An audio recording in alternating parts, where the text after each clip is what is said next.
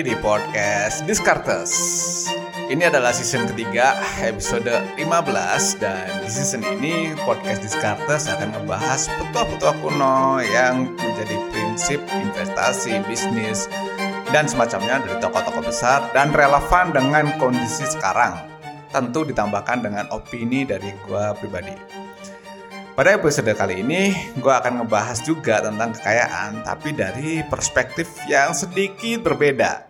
Bukan tentang proses menjadi kaya, tapi kalau misalnya sudah kaya itu mau ngapain lagi sih? Ini adalah pertanyaan penting. Kenapa? Biar kamu punya tujuan akhir yang jelas dari setiap usaha kamu itu. Hidup itu kan harus punya tujuan ya kan? Ya kalau enggak nanti ujung-ujungnya kamu pasti akan bingung. Sehingga duit yang kita kumpulin nih bertahun-tahun nggak habis gitu aja. Kan banyak kan yang kayak gitu kan, udah capek-capek kerja berpuluh-puluh tahun, eh setelah kelar habis duitnya, jatuh miskin, nggak ngerti mau ngapain lagi. Dan contoh seperti itu tuh ada di sekeliling kita. Coba aja buka mata lebar-lebar, kelihat sekeliling kamu sendiri. Nah, sebagai inspirasi, kita akan angkat seseorang miliarder keturunan Irlandia Amerika, Chuck Finney. Dia adalah pioneer dari gerakan giving while living atau memberi di saat masih hidup. Chuck itu seorang milioner ya, Taipan. Dia mendirikan Duty Free Shoppers (DFS) dan sempat disorot nih sama berbagai media, berbagai orang di seluruh dunia karena memutuskan akan ngasih hibah sebagian besar bahkan hampir seluruh duitnya ke badan amal. Nah, total jumlah kekayaan yang disumbangkan itu mencapai 9 miliar dolar selama bertahun-tahun melalui yayasan pribadinya, Filantropi Atlantik yang didirikan pada tahun 1982. Jadi lembaga yang didirikan juga menangani bidang HAM, terus aging, anak-anak dan usia muda bahkan menggelontorkan ratusan juta dolar ke bidang-bidang tersebut ya. Jadi bisa dibilang hampir sebagian besar uang yang dikumpulkan oleh Chuck dikeluarkan lewat filantropi. Pada tahun tersebut orang itu hampir nggak tahu. Jadi 15 tahun pertama Vini ini masih melakukan secara rahasia. Makanya dia mendapat julukan sebagai James Bond filantropi. Jati dirinya itu baru diungkap, baru ketahuan tahun 1997. Nah, salah satu penerima sumbangan dari Chuck ini adalah Queen's University Belfast di Irlandia Utara dengan nilai 132 juta dolar selama tahun 1993 sampai 2015. Bahkan universitas ini merupakan penerima sumbangan tunggal terbesar dari Atlantic Philanthropies yaitu sebesar 24 juta dolar pada tahun 2012. Nah, duit dari Vini digunakan untuk menyediakan berbagai fasilitas canggih yang bermanfaat untuk mahasiswanya. Jadi dia memang berkontribusi juga ke kampus, terutama kampus di Irlandia tempat dia lahir. Ternyata ya, pernah dalam sebuah liputan diketahui bahwa pemberian sumbangan yang besar-besaran tadi memang sudah direncanakan oleh Chuck jauh-jauh hari sebelum dia menjadi orang kaya. Cita-citanya ternyata terinspirasi kutipan buku Carnegie yang judulnya Wealth di mana di dalamnya menyebut bahwa mati dalam keadaan kaya sama dengan mati dengan malu. Ini kutipan yang unik.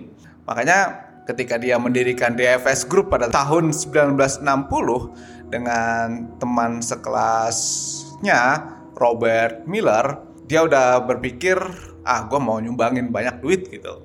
Bagus ya. Dan buat kalian tahu grup ini memelopori konsep belanja bebas bea di bandara. Kalau kalian sering ke luar negeri ngeliat bandara-bandara di dalamnya ada free shop kan. Nah, dipelopori oleh company dari Chuck Finney. Sebenarnya ketika Vini ini ngasih duit ke lembaga amal filantropi Atlantik tadi itu tidak pernah dibuka namanya. Namanya baru terungkap pada tahun 1996 ketika ada masalah yang menyeretnya ke meja hijau. Itu adalah saat ia menjual saham dari DFS ke Louis Vuitton. Nah, hingga pada bulan Januari 1997 New York Times mengungkap bahwa Vini memberikan uang senilai 600 juta dolar selama bertahun-tahun dan tidak ada satu orang pun yang mengetahuinya. Setelah rahasia terungkap, Vini baru bilang, uang itu tidak mendorong hidup saya. Saya tipe pria yang kau lihat adalah apa yang kau dapatkan. Ya gampangnya adalah termasuk manusia yang apa adanya gitu. Jadi meski peduli dengan sosial, Vini tetap memperdulikan keluarganya. Jadi dia punya lima anak, empat perempuan, satu laki-laki, dan mereka ini telah diberikan uang melalui istri pertamanya. Kemudian dia juga sudah menyisihkan sebetulnya uang untuk masa pensiun dia sekitar 2 juta dolar. Jadi itu udah cukup lah dan dia berpikir bahwa uang itu nggak akan habis meskipun sampai dia meninggal.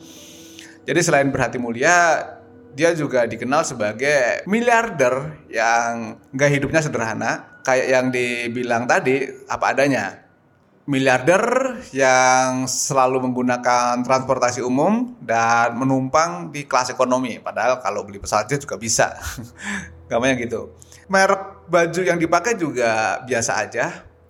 Dia lebih suka menggunakan baju di toko retail setempat ya. Beda dengan kebanyakan orang tajir pada umumnya, dia nggak terlalu suka juga pakai sepatu yang mahal karena buat dia hanya perlu satu pasang sepatu untuk sekali pakai. Dan dia juga mengajarkan anaknya untuk mencari uang dengan kerja sampingan di setiap summer setiap musim panas. Memang sih Vini itu bukan satu-satunya miliarder yang sibuk mendonasikan harta. Banyak miliarder di luar sana yang juga melakukan hal serupa kayak Bill Gates yang punya Bill and Melinda Gates Foundation, kemudian ada Warren Buffett itu udah jelas juga, Mark Zuckerberg itu juga jelas juga, Charlie Munger itu juga, dan masih banyak lainnya. Nah, apa yang bisa kita pelajari dari orang-orang tersebut, terutama untuk topik sekarang adalah Chav ini? Yang pertama adalah memiliki prinsip hidup. Poinnya adalah dia tahu nih mau ngapain nih dalam hidup itu selain mendapatkan uang, uangnya mau dipakai buat apa, dan prinsip yang dia miliki tidak perlu sama dengan prinsip yang dimiliki oleh orang lain, tetapi fokusnya adalah prinsip hidup dia dijaga dengan teguh, jadi tidak terganggu atau tidak terkontaminasi dari hal-hal di luar sana. Dia pengen berbagi ya sudah ya. Dia tidak pengen terpublish ya nggak apa-apa meskipun pada akhirnya terpublish gitu. Apa pun yang dikatakan oleh orang lain, Vini konsisten dengan prinsip yang dia miliki. Nah, konsistensi atas prinsip itu menurut gue adalah hal yang sangat mahal terutama di era sekarang ya. Di mana orang banyak sekali ya kerja-kerja tok tapi dia tidak ngerti ini mau diapain. Tidak wise menggunakan uangnya tidak wise dalam memegang prinsipnya. Jadi buat teman-teman semua gue rasa kalian harus mulai menentukan prinsip hidup apa sih yang akan kalian pegang sampai mati nantinya. Terutama dalam mengelola uang ya. Yang kedua adalah bijak dalam menghabiskan uang.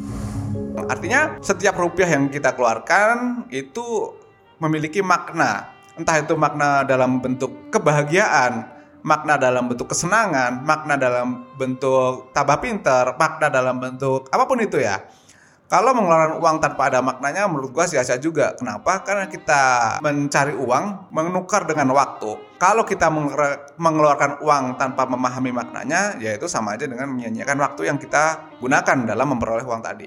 Itu aja yang bisa gue sharing buat teman-teman semua. Mudah-mudahan kalian makin bijak dalam menjalani hidup, menemukan prinsip, dalam spending money dan gue harap kalian akan tambah sukses setelah mendengar podcast-podcast dari Discartes. Sampai jumpa lagi di podcast Discartes episode selanjutnya. Thank you and bye-bye.